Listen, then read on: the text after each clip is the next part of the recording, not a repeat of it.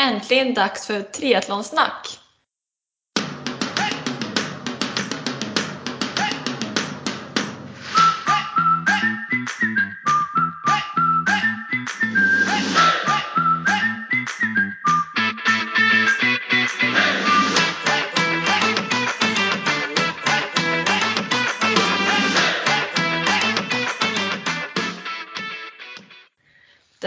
Avsnitt 7 med mig Sofia Häger och mig Therese Granelli. Eh, äntligen dags för vårt jätteroliga avsnitt. Eh, Sofia, ska vi börja med våra vanliga, med vanliga intro berätta om våra veckor som ja. har varit. Eller nu har det knappt gått två veckor den här gången. Men, Nej, det har ju gått lite snabbare den här ja. gången. Eh, och därför så har jag liksom inte så mycket att berätta om. Mer än att jag faktiskt äntligen fått in några öppet vattenpass, vilket alltid är lite skakigt så här i början av säsongen. Eh, så det känns väldigt bra att ha fått bocka av några sådana för att bli mer bekväm ute. Och sen såklart fortfarande mycket fokus cykling eftersom jag ska köra Vätternrundan imorgon. Vi sitter ju här på fredag eftermiddag.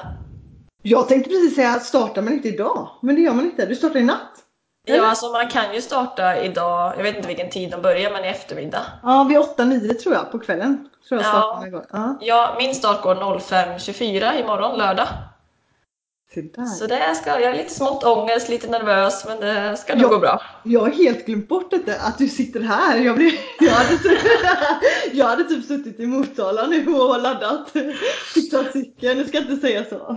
ja, nej, men jag har i alla fall plockat fram allting och allt, all energi står uppradat här. Och, ja, men det ska nog gå bra. Hur har du laddat för detta nu då? Har du ätit eh, lite extra? Eller det är ändå många timmar på cykeln här nu. ja, men framförallt idag så har jag tagit ledigt från jobbet. Ja. För att kunna bara göra det jag känner för. Eh, och så tränat lite lugnare i veckan, försökt att dricka väldigt mycket och få ja. in mycket salter för det ska bli ganska fint väder imorgon. Härligt! Det vill man ju ha. Ja, så det ser jag fram emot. Men mer än det har jag väl nästan inget speciellt att säga faktiskt. Nej. Så jag hoppar över ah, till din, din vecka. Ja, och jag måste bara börja säga lycka till verkligen. Shit vad ja, roligt. Tack. Jag är avundsjuk. Jag får rapportera i nästa podd hur det har gått. Absolut, det får bli nästan fokus på att du får berätta om din resa här. Ja. Se om du klarar, ni, för ni skulle cykla 10 timmars eh, subgrupp va? Ja, det är målet. Ja, ah, gud vad kul. Har ni vind? Ska det blåsa? Eller är det... Nej, alltså som det står nu står det väl 3 eller 4 meter per sekund. Vilka, gud, det kommer få fantastiskt härligt då. Jag håller alla tummar att ni får det vädret. Mm. Ja, desto mer att berätta då. Jag har ju varit på träningsläger i, eh, i Norges vackra natur. Ja just det, och åkt skidor mitt i sommaren. Ja, helt fantastiskt. Vi är i eh, ja, men, naturreservatet Jotunheimen, eh, i Sognefjäll heter det. Så högt upp på en glaciär eller på, ett, på en topp på 1400 höjdmeter så har de en längdanläggning som bara är öppen på sommaren. Den öppnar typ så efter påsk någon gång. Lite beroende Aha. på hur mycket snön har hunnit tina. För det, det handlar om att det är stängt på vintern för det är för mycket snö. Eh, vägen är inte skottad liksom. Eh, så nej, det är så vackert där. Vi hade jättefint väder och åkt skidor i sporttopp och shorts liksom. Eh, och sen, eh, ja, vi åker mycket rullskidor och fjälllöpning och allt möjligt. Så det har varit riktigt härliga dagar. Ja, gjorde lite ont att åka hem i söndags. jag sa det, jag borde typ bosätta mig på en fjälltopp någonstans. Det är min, jag gillar ju backar också. Jag tror jag. inte det är omöjligt att det händer så småningom. Det kan vara så. Flyttar jag till Norge så blir det ingen förvånad. Nej. Nej, så jag har haft fyra, ja, vi åkte onsdag förra veckan och till söndag då. Eh, jag åkte hem på söndagen, de andra var faktiskt kvar hela vägen till i tisdags. Men jag behövde hem till jobbet tyvärr. Mm. Eh, så ja, och sen eh, har jag väl nu när jag kommit hem eh, fortsatt träningen. Jag trodde jag skulle vara mer sliten än vad jag faktiskt har varit. Så det var skönt. Jag tar det ju som sagt lite lugnare nu än vad jag brukar göra så att jag har inte samma riktigt intensitet. Så jag drar inte på mig lika så här ah, ja, träningsverk och slitningar så för att jag ligger på en lägre intensitet hela tiden. Så jag har kört på fint här hemma också. Så det är ja, tyvärr ingen simning för mig ändå. Jag har inte kommit dit. ta, ta tag i dig nästa vecka nu. Ja, men jag tror det. Men det Ja. sätta något som mål att jag ska... Men nu när du kan simma ute, du tyckte ju att det var roligare. Ja, absolut. Det är bara att jag måste köpa en våtdräkt här nu då. Det får bli så Ja, pass varmt så att, eh, så att eh, jag kan simma utan. Jag, Mm. ja. Jag är lite, jag är, nu, det säger inte det här högt, jag på att säga, så säger jag det i podden, men jag är lite sugen på att köra en eh, lite sprint-triathlon i eh, 30 juni här nu, så det är inte så långt bort. Ja, men det tycker jag ska Eh, göra. ja, ja, det var ju den jag vann förra året. Det är lite mindre triathlon i, eh, nere i Varberg. Eh, Ja. det är inte det Varberg triathlon utan det är ett litet ställe utanför eh, Varberg. Eh, och så ska jag ha jag några som ska köra det så tänker jag hur, alltså det är ju så kort och om jag tar det lite lugnt så varför inte liksom bara för det är roligt att få känna på det. En liten tävling. Men vi får när se. man tar lugnt vet vi hur det blir på tävling. Äsch. Ja men eh, jo, jag är duktigare på att lyssna nu. jag har lärt mig. Men Ja. vi ska väl inte bli för långrandiga här, för vi Nej, har ju ja. en jätteintressant gäst att bjuda in.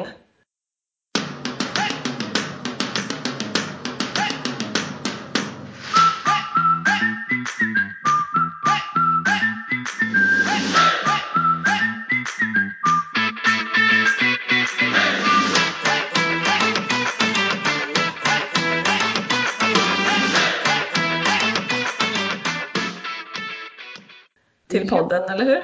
Exakt, vi har med oss en av Sveriges främsta triatleter som just nu eh, är i en kvalprocess för OS 2020. Och eh, bara i denna helgen i söndags tror jag det var till och med så gjorde han sin främsta placering i, eh, med, start i ett elitfält. Så välkommen Gabriel Sandör! Tack så mycket. Tack, tack. Tack. Kul att ha dig med. Ja, verkligen Ja. vilken ära att ha dig här. Ja, kul att jag fick vara med. Riktigt roligt. Och visst är det så att du håller hus i Linköping just nu och laddar inför sprint-SM på söndag? Ja, precis. På söndag så går sprint-SM precis här i Linköping så att jag laddar upp inför det nu. Bara två dagar kvar. Härligt.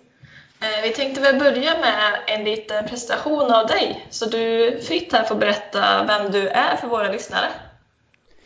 Ja, precis. Jag heter då Gabriel Sandör och är en eh, kortdistanstriatlet som satsa mot OS 2020. Eh, jag har väl hållit på med triathlon i, vad blir det nu då? Eh, ja, sju år ungefär. Eh, och innan det höll jag på mest med, med löpning men även med ishockey och, och fotboll och lite, lite, lite blandat så. Bara för Eh, att, får jag bara, så här, bara för att berätta för vad, eh, ja, följare säger jag, lyssnare menar jag. Ja. Eh, sprintdistans, alltså vad är, det, vad, Ja. vad, vad, vad är det för distanser du eh, kör? Ja, precis. Kortdistans då, det är egentligen eh, två olika distanser. Det är sprintdistans och olympisk distans då. Då är det sprintdistans är 750 meter simning, två mil cykel och fem kilometer löpning. Olympisk distans, det som är med på OS är alltså den Mm, dubbla mm. distansen då. Ja, okej. Ja. Vilket kör du mest nu? Alltså är det mest sprint som det blir eller är det lika Mm, mycket av båda? Jag skulle säga att det är, på ett år är det ungefär 50-50. Det är väl hälften sprint och hälften olympiska. Nu är, på söndag är det ju sprint-SM då. Och sen Ja. för, förra helgen tävlar ju, då var det olympisk distans. Så det är ungefär 50-50. Kul. Ja. Ja. Grymt.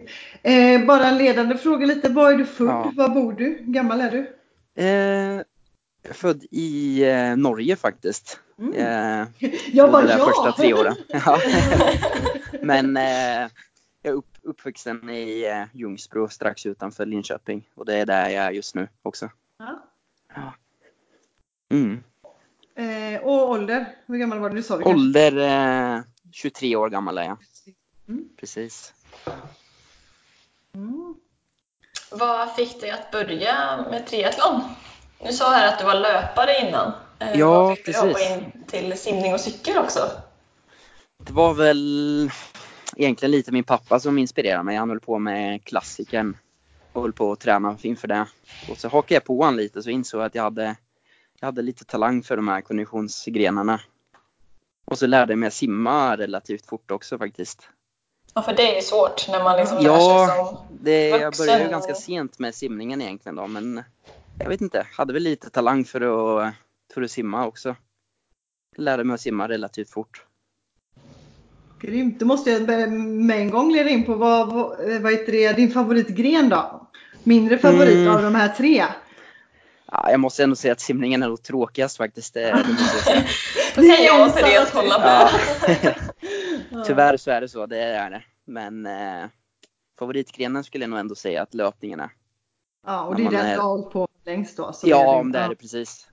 Nej, men det är absolut härligast. När man är skadefri och det bara rullar på och formen är bra, då är det riktigt härligt att springa alltså. Mm. Det är det. Skulle du säga att det är din starkaste gren också?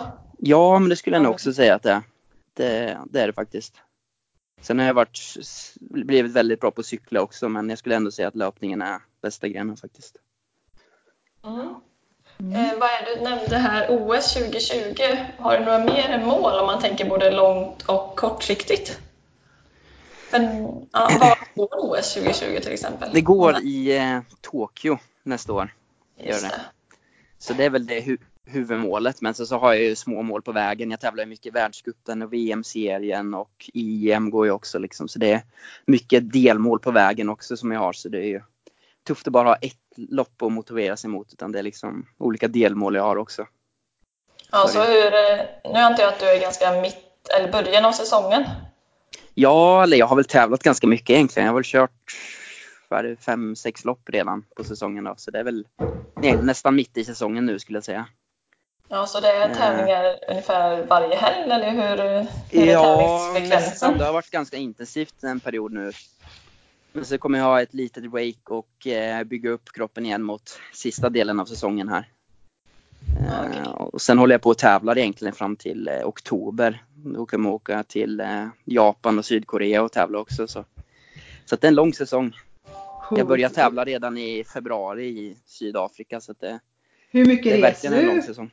Eh, det blir ju mycket resor alltså. Mm. Eh, jag har redan varit i Sydafrika och Thailand har jag varit och tränat också. Och stora delar av Europa. Så. För de flesta tävlingarna eh, på din nivå, de blir utanför Sverige, antar jag? Ja, jo men så är det ju. Det blir väl kanske en eller två tävlingar i Sverige per år och sen resten är ju utomlands.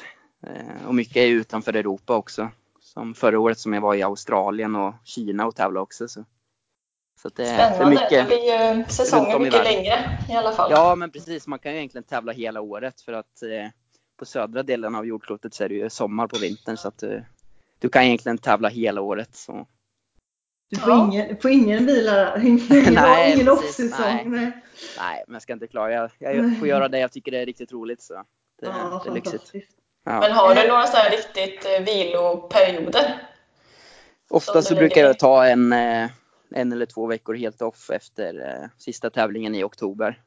Okej. Det är bara vilar och låter kroppen få återhämta sig. Så. Och, och du nämnde ju mål som OS och VM. Och så här. Du nämnde också att det var olympisk distans på OS. Gäller det samma på VM och EM? Och...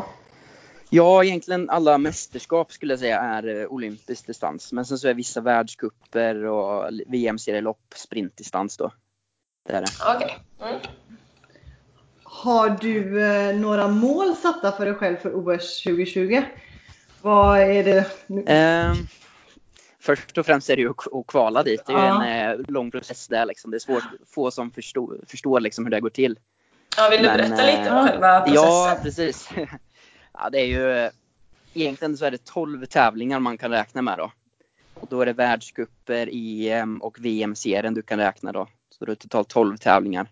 De bästa resultaten som räknas då.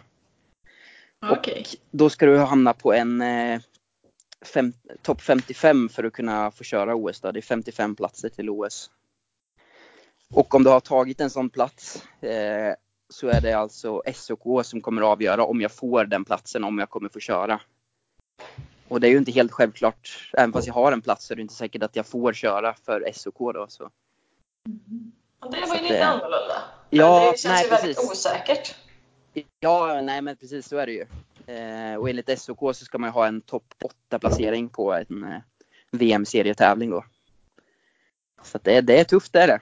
Hur tror du att du eh, ligger till då i den kvalprocessen än så länge? Ja, jag ligger väl runt 90 plats nu tror jag. Och jag Ja. behöver vara topp 55 så jag har ju en liten Mm. bit kvar att klättra absolut. Men jag har fram till maj nästa år på mig att kvala. Så.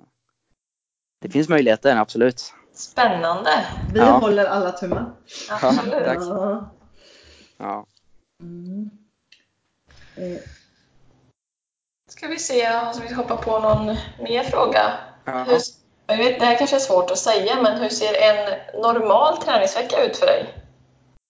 Eller är det väldigt Ja, precis. varierande? Det blir ju lite varierande, speciellt när jag är i en sån tävlingsperiod när det är väldigt mycket tävlingar. Men normalt sett så tränar jag runt 30 till 35 timmar i veckan. Ja. Så det blir väldigt mycket träning, det blir det väl. Eh, Hur är det Mest- fördelat på dem? ja, det är också lite olika men oftast är det ju mest cykling. Jag skulle säga kanske 15, eh, 15 timmar eh, cykling. Och eh, cirka 10 timmar, eh, 8 till 10 timmar löpning och å- 10 timmar simning ungefär i veckan. Något sånt.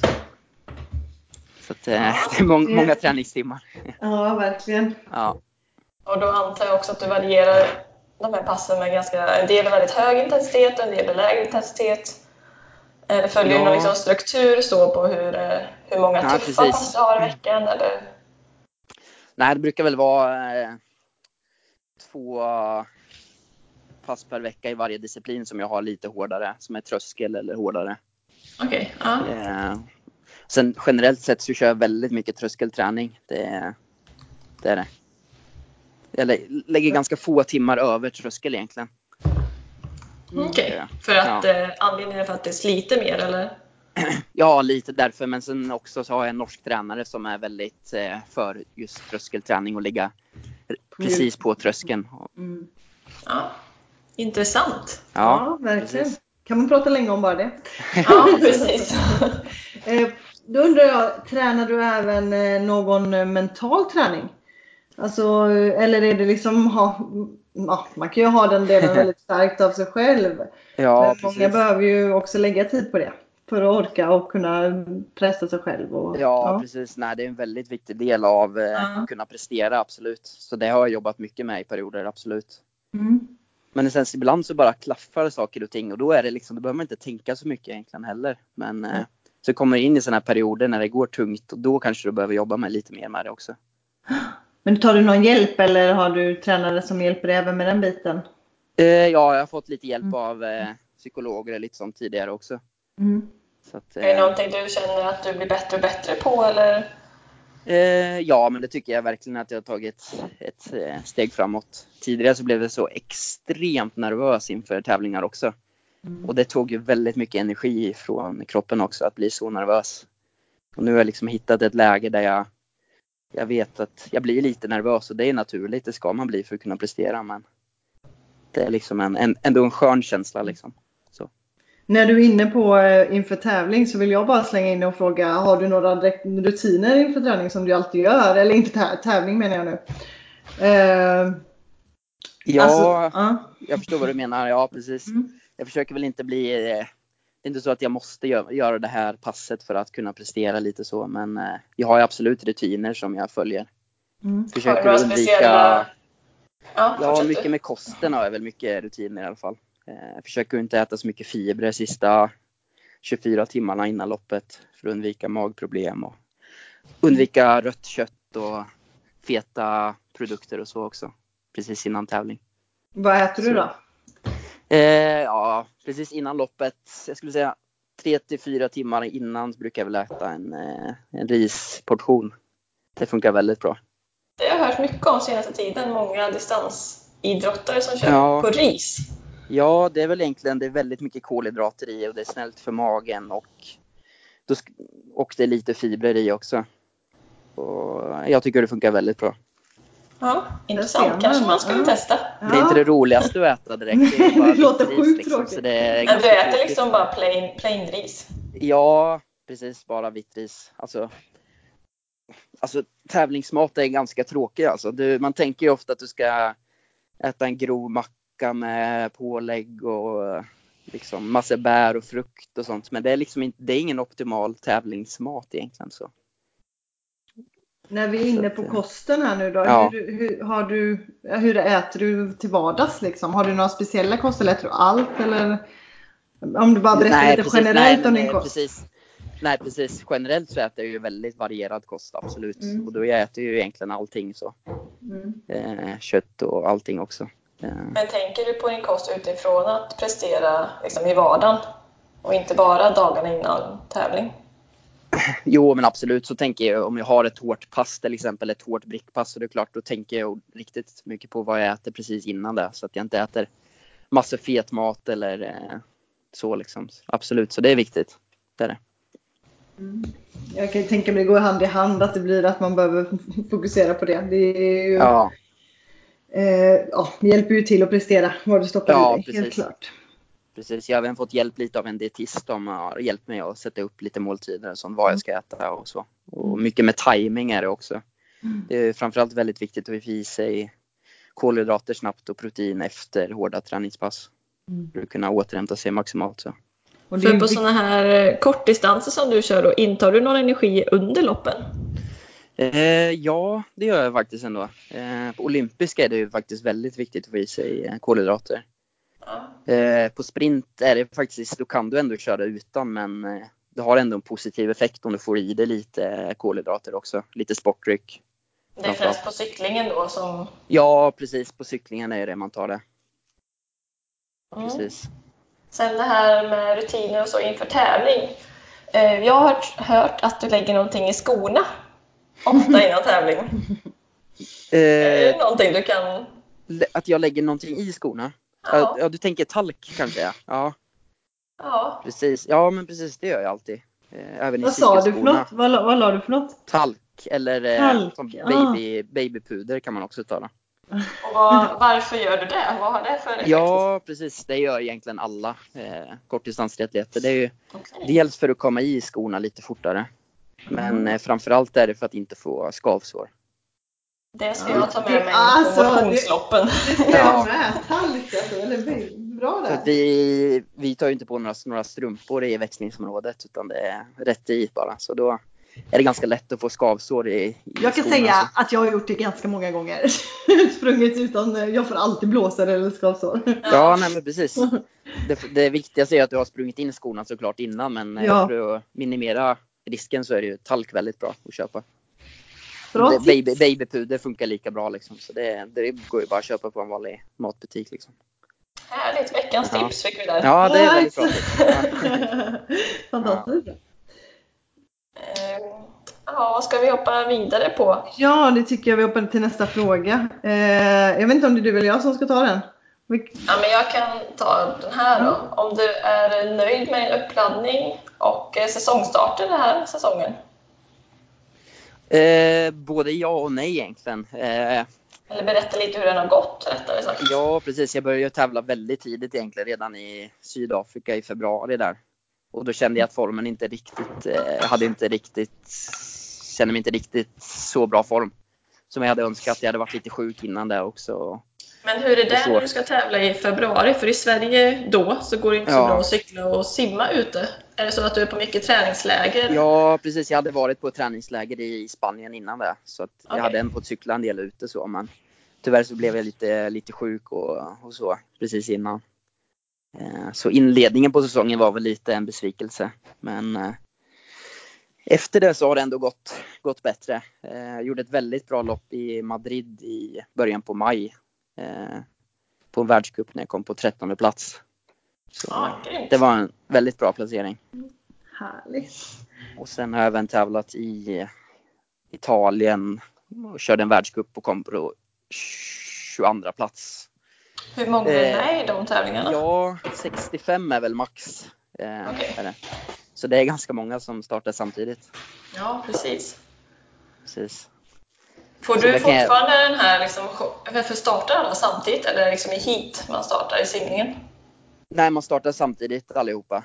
Eh, och det är ju det som är det tuffaste med kortdistans skulle jag säga. Det är simstarten. Alltså det är slagsmål varje lopp i starten. Alltså. Ja, för det var det, jag tänkte fråga, du som är så van, har du ändå ångest inför simstarterna? Ja, jo, men det har ju alla tror jag. Alla har väl Ja. ångest. Förutom de allra, allra bästa simmarna som är sjukt snabba i starten som kommer iväg liksom. Men annars så är det slagsmål nästan hela Vassa loppet. armbågar. Ja. Alltså det är tufft alltså. Det är många gånger man blivit dränkt och fått kallsupar och fått panik liksom. Så det, det, det är tufft är det. Ja, det är mycket man behöver kunna hantera i triathlon. Ja, precis. Ja, verkligen. Så. Eh, Och visst hade du, du hade ju en bra tävling nu förra helgen var det va? Ja, precis. Förra helgen körde jag riktigt bra faktiskt. Och då var det verkligen världseliten som är. Det var ju alla de bästa som kör OS och så. Den högsta nivån där. Och då kom jag på en 23 plats och slog eh, bland annat världsmästaren från förra året och OS-guldmedaljören från Rio. Så det var riktigt roligt faktiskt. Ja, gud vad Och kul. där fick du lite självförtroende-boost då. Ja, men verkligen. Då sprang jag, sprang jag riktigt, riktigt bra också. Sprang på 31.30 på 10 kilometer då. Ja, Efter sikt. riktigt bra. Ja, så det var jag väldigt nöjd med faktiskt. Och nu när vi har pratat om lite de olika grenarna så, hur är du i växlingsmomenten? För det Ja. kan man ju säga är en gren i sig. Precis. Speciellt när det är våtdräkt så är det ett extra moment att försöka ta, ta av sig våtdräkten så snabbt som möjligt. Och där kan man ju tjäna många sekunder på så att det, det försöker jag träna på egentligen varje gång jag tränar öppet vatten att jag försöker ta mig våtdräkten så snabbt som möjligt efteråt liksom, så får jag ju gratis träningstid på det. Så. Ja, det borde jag också göra faktiskt. Ja, Kör- det, är- det, det är ett tips alltså. Det är det verkligen. Kör alltid alla samma? Alltså har alla våtdräkt eller inte alla? Eller kan vissa ha våtdräkt och vissa köra utan våtdräkt? Eh, det är ju en eh, gräns på 20 grader. Om det är varmare än 20 grader så får man inte ha våtdräkt. Nej okej. Om det är kallare än 20 grader då får man köra utan våtdräkt. Men det går ju snabbare med våtdräkt så alla kör med våtdräkt. Då. Ja okej, alla gör Gör det. Mm. Ja, för man flyter Även om runt lite, får byten- bättre vattenläge och det går snabbare. Verkligen det gör det. Men det är så pass mycket snabbare. Nej men det är så pass mycket snabbare så att det inte är värt att... eh, För jag tänker du slipper ju ta av dig den om du inte har på dig den när du kommer. Ja, precis. Det kanske tar eh, fyra sekunder extra att ta av sig den eller fem Ja, sekunder eller något sånt. Ja, okej, det är så pass Och lite. på en sprint eller olympiskt, ja, du, sk- du tjänar i alla fall en 15 sekunder på 15-20 sekunder på att simma med våtdräkt. Så. Ja. Har du några tips i, för växlingarna för oss eh, motionärer? Så att Ja, säga? precis. Eh, tips kan ju vara att ta vaselin eh, på, på handlederna och på, på fötterna för att den ska glida av lite snabbare våtdräkten. Då. Det, det är ett väldigt bra tips. Då har jag en följdfråga. När du tävlar, har du liksom sportklocka på dig? Nej, Nej, det har man kanske Det inte. har jag det inte. har jag alltid trubbel med att försöka få av våtdräkten över sportklockan. ja just det. Ja, det förstår jag. Men Nej, jag kör faktiskt aldrig med det. Jag kör med cykeldatorn men jag har aldrig på någon klocka, det har jag faktiskt inte. Nej, okej. Eh, Då skulle man ju kunna, ja det är lite svårt då faktiskt att ta av sig den, det håller jag med om. Eh, Ja, Mm. svårt. Man får sätta våtdräkten över klockan. ja, det var det jag tänkte, men då sitter ju våtdräkten fast istället så det är kanske inte Mm. så smart Ja. heller. Så. Jag har testat båda men eh, eh, jag tror Inget nästan att jag... Nej men lite så, jag brukar nog bara vara snabb och knäppa av den och sätta den, eh, eller ha den i munnen. Alltså jag Ja. bara drar med den den i munnen och så tar jag med våtdräkten och sen så fixar jag det där med klockan mm, bara cyklar. Ja, det kan man göra också, precis. Ja, det är jag lägger smart. in- Ja. Eh, och annars så är det ju att man har cykelskorna på cykeln då. Det är ju, sparar du väldigt mycket tid på. Där måste du träna på tänker jag. Alltså jag hade inte vågat det. Men det Nej, nej precis, nej. Det, det är något du inte ska göra på tävlingsdagen om du aldrig testat men du tjänar väldigt mycket tid på det alltså. För då tar Ja, det du på dig cykelskorna samtidigt som du har fart liksom. Ja. Du tjänar väldigt mycket tid på det. Jag kan verkligen förstå det i en sprint till exempel på era nivå liksom. Att Ja. de här sekunderna är jäkligt viktiga. Ja, precis. Nej, så det är ett tips. Men det är ju inte så svårt att lära sig egentligen. Det, det, det kan man lära sig ganska fort. Det är bara att sätta fast eh, cykelskorna med gummisnoddar liksom och sen är det bara att träna på det. Så. Men Det de är också något man kan träna på varje gång man ska ut och cykla. Ja.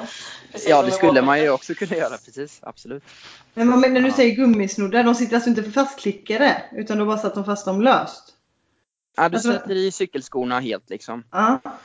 Och sen fäster du gummisnoddarna på ramen liksom så de sitter fast så inte cykelskorna Så att de Ja, hålls så det är uppe lättare. liksom. Så att Ja, precis. De hålls uppe, precis. Exakt. Jag fattar inte faktiskt. Alltså Man de det finns en flärp på hälen på skorna, cykelskorna. Ja. Så där tar du runt gummisnodden och så fäster du gummisnodden på cykeln så att skorna liksom hålls, hålls uppe. Precis som foten ska sättas i, för släpper du gummisnodden så Snurrar de. snurrar liksom pedalen ner mot marken. Ja. Exakt. Okej, Ja. det, mm, då är jag med.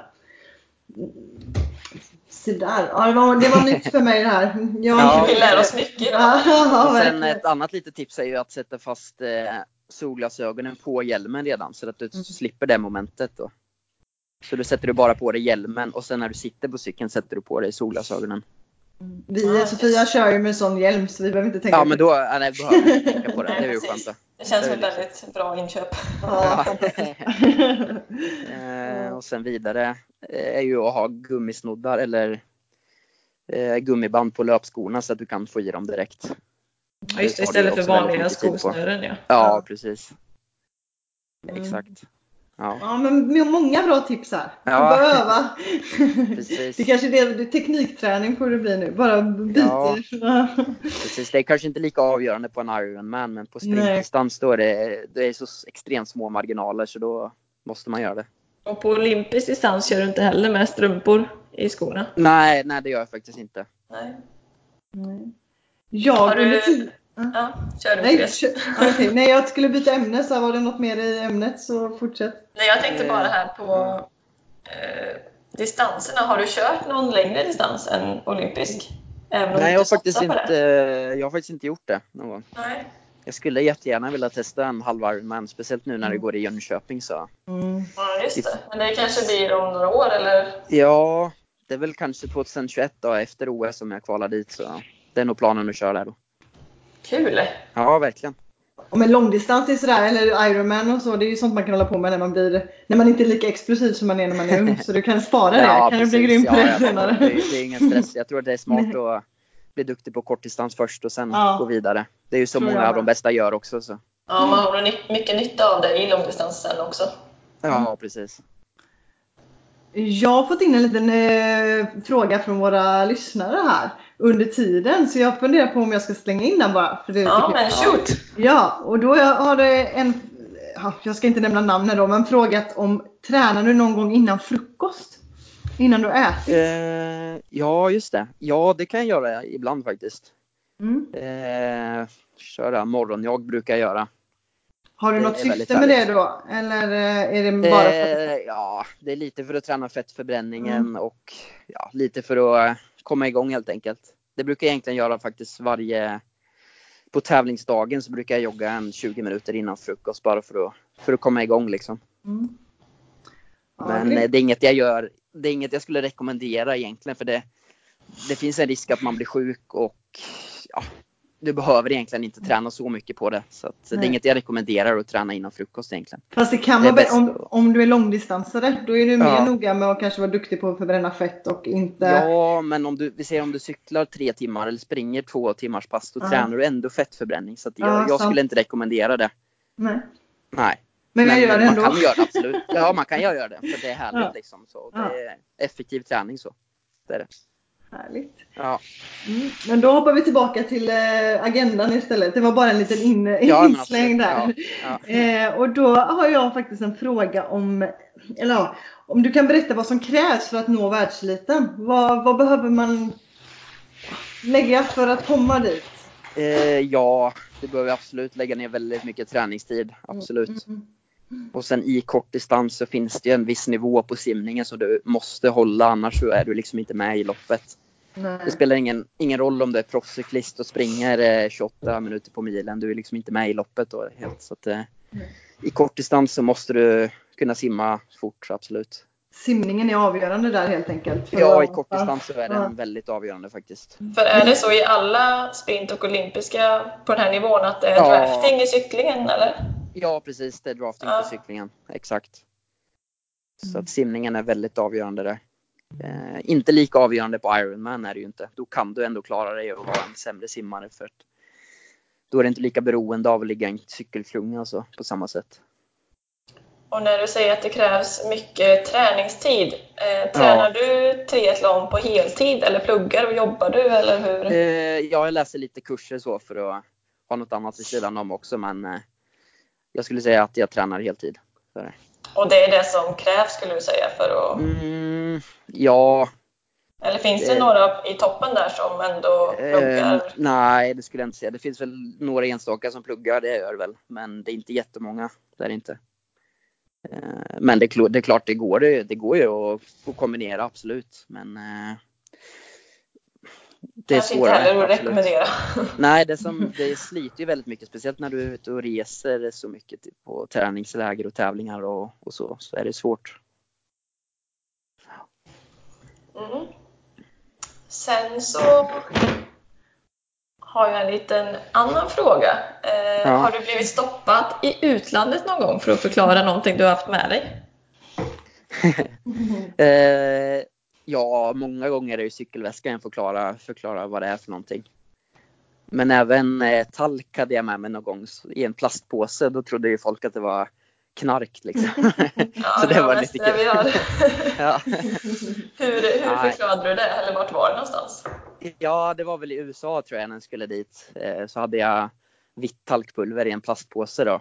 Eh, I handbagaget. Så då, då kollade de lite på mig och undrade vad det var egentligen. Så fick jag Ja, förklara att det var talk. Kanske, kanske lite för uppenbart för att det skulle vara något annat att ha det i handbagaget nej, än en skiljer så på sig.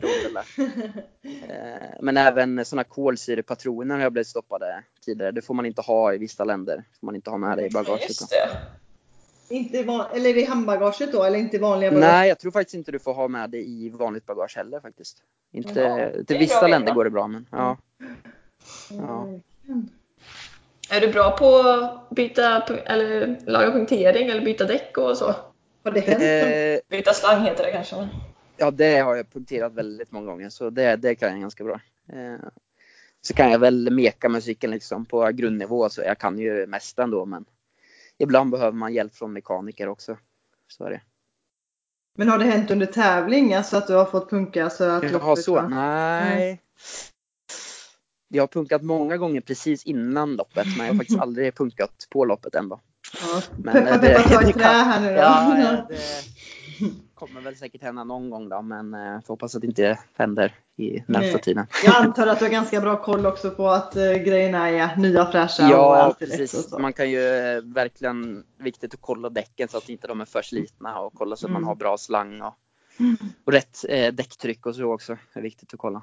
Ja. Men hur, om du skulle få en punktering på en sprint eller olympisk, skulle du liksom laga det? Eller fixa det så fort som möjligt, eller skulle du bryta? Det finns eh, reservhjul som man kan få låna men men som oftast så är loppet eh, kört om du punkterar.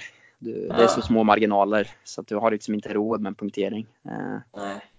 Men eh, på en a- halv Ironman eller en Ironman så skulle man nog kunna klara av en punktering. Det vet jag folk som har kört ganska bra trots att de har fått en punktering. Så. Mm. Mm. Vad säger vi? Ska vi ta eh, eh, att Gabriel får berätta? Ja, vi kan börja med att berätta för lyssnarna att det, vi kommer inte säga några tips idag. Vi har ju alltid tre, eh, tre tips i något tema. Utan eh, Gabriel ska få berätta om sina tre nycklar för att lyckas med triathlon. Eh, så att vi eh, är väldigt spända på att höra detta så vi kan ta med oss och ta lärdom av. Ja, utöver alla andra tips som vi ja, redan fått. exakt, exakt. Ja. Mm. Jag vet ju inte helt vad ni har sagt innan men jag kan i alla fall ta de viktigaste eh, grejerna som jag kan tänka på. Mm. Ja. Eh, och det viktigaste det är ju såklart ha roligt. Det är ju därför man håller på.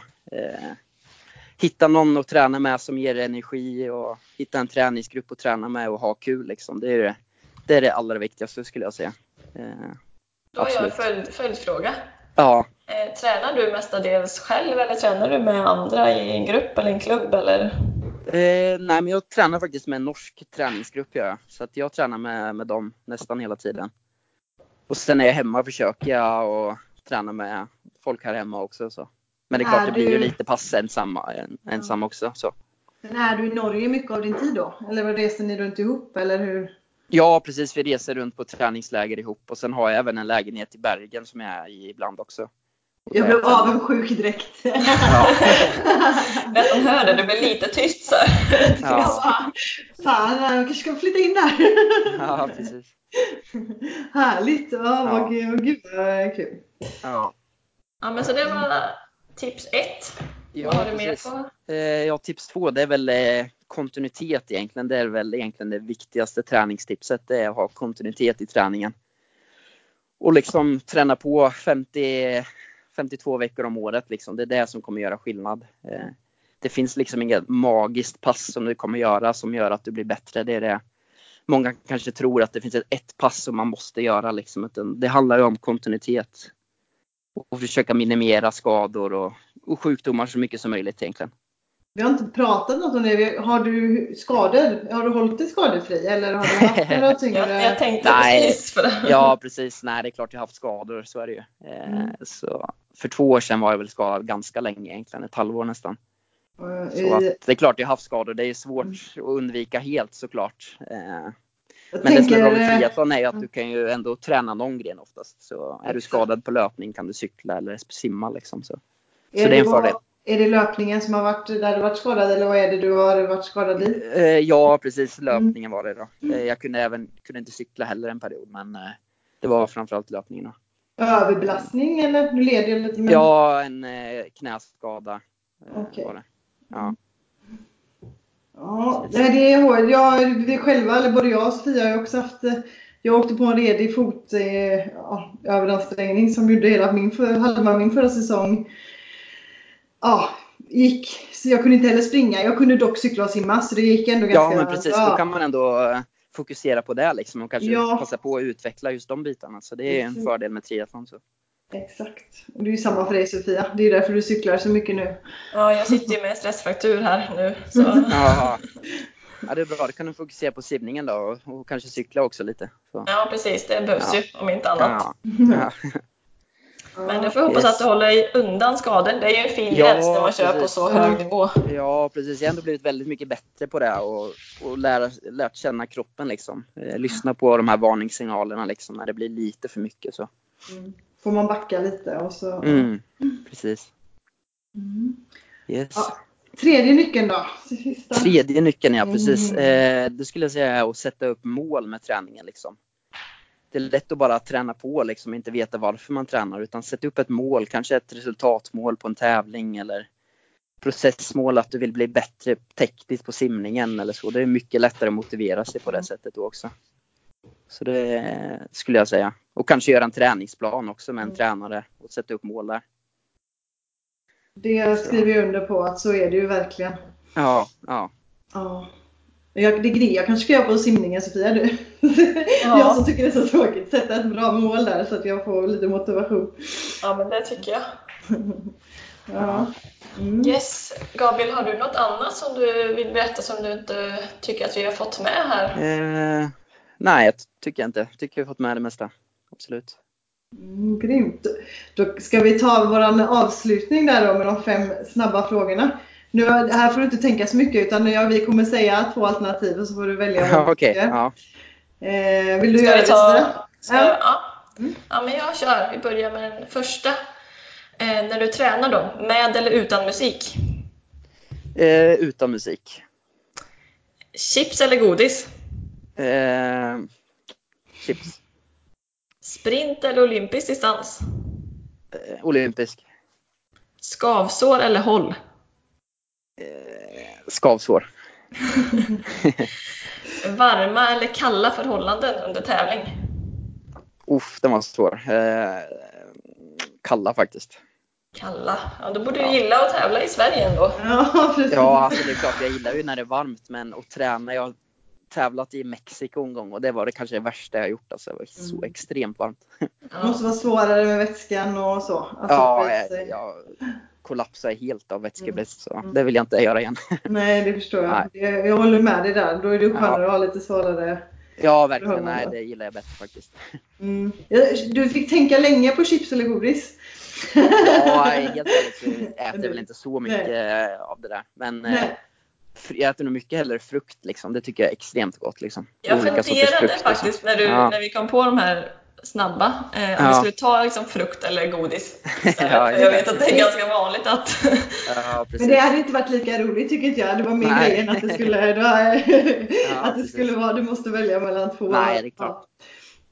Mm. Ja, men kul. Skavsår var också en, eh, det har du hellre. Men det kanske är bättre Ja, nej men skav, skavsår kan man ändå pina sig igenom med liksom. Det tänker man inte så mycket väl på tävlingen men håll har jag fått lite för många gånger och det är liksom det, det hindrar dig mycket i Ja, löpningen. det, är alltså. mer, Så att, det är mer krampaktigt att få. Ja, precis, precis. Då Mm. kan du liksom inte pressa dig igenom det på samma sätt heller liksom.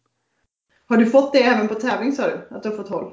Ja, Mm. det har jag framförallt fått på olympisk ibland. Eh, tidigt på säsongen ofta. Eh, ja.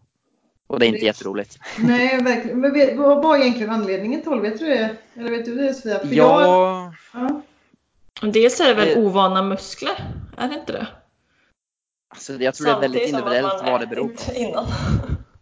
Mm. Jag jag lite spännande. Jag får nämligen aldrig håll nästan. Alltså jag kan ju typ äta och springa och inte det jag märker eller så. Ja, näst... men, men det känns ju som du säger, det kanske är väldigt individuellt och man är olika känslig för det. Och, eh, eh, spännande varför man, vad är det som händer egentligen? Varför får man hugg i magen liksom?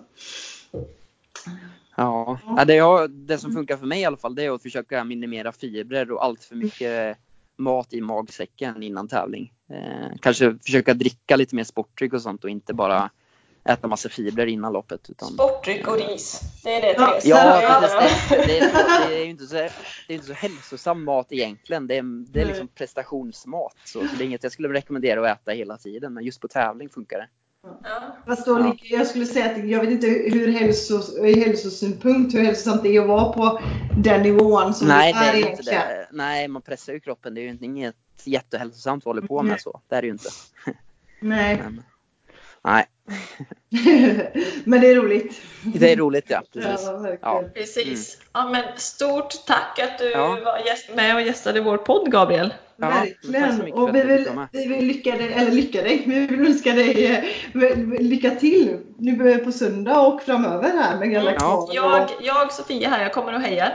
Åh, Ja, vad kul. Ja, Mm, det ska bli jättekul att se. tack så mycket. Ja. Mm.